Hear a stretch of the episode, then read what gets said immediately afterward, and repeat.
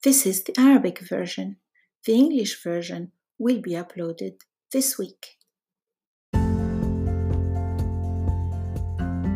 استيقظت اليوم مصابة بالتهاب في الحلق واضطررت إلى إلغاء حضور غداء عيد ميلاد مع خمسة من صديقاتي المقربات لم أستطع أن أخاطر بإصابة أي شخص بالمرض في موسم كوفيد هذا.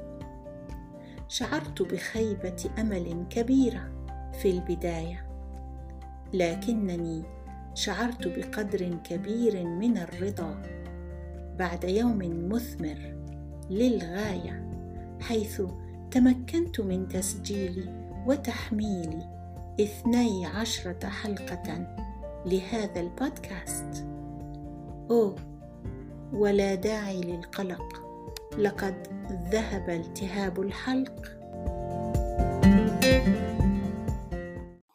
You can read this with me on my YouTube channel, Things You Need to Know About Arabic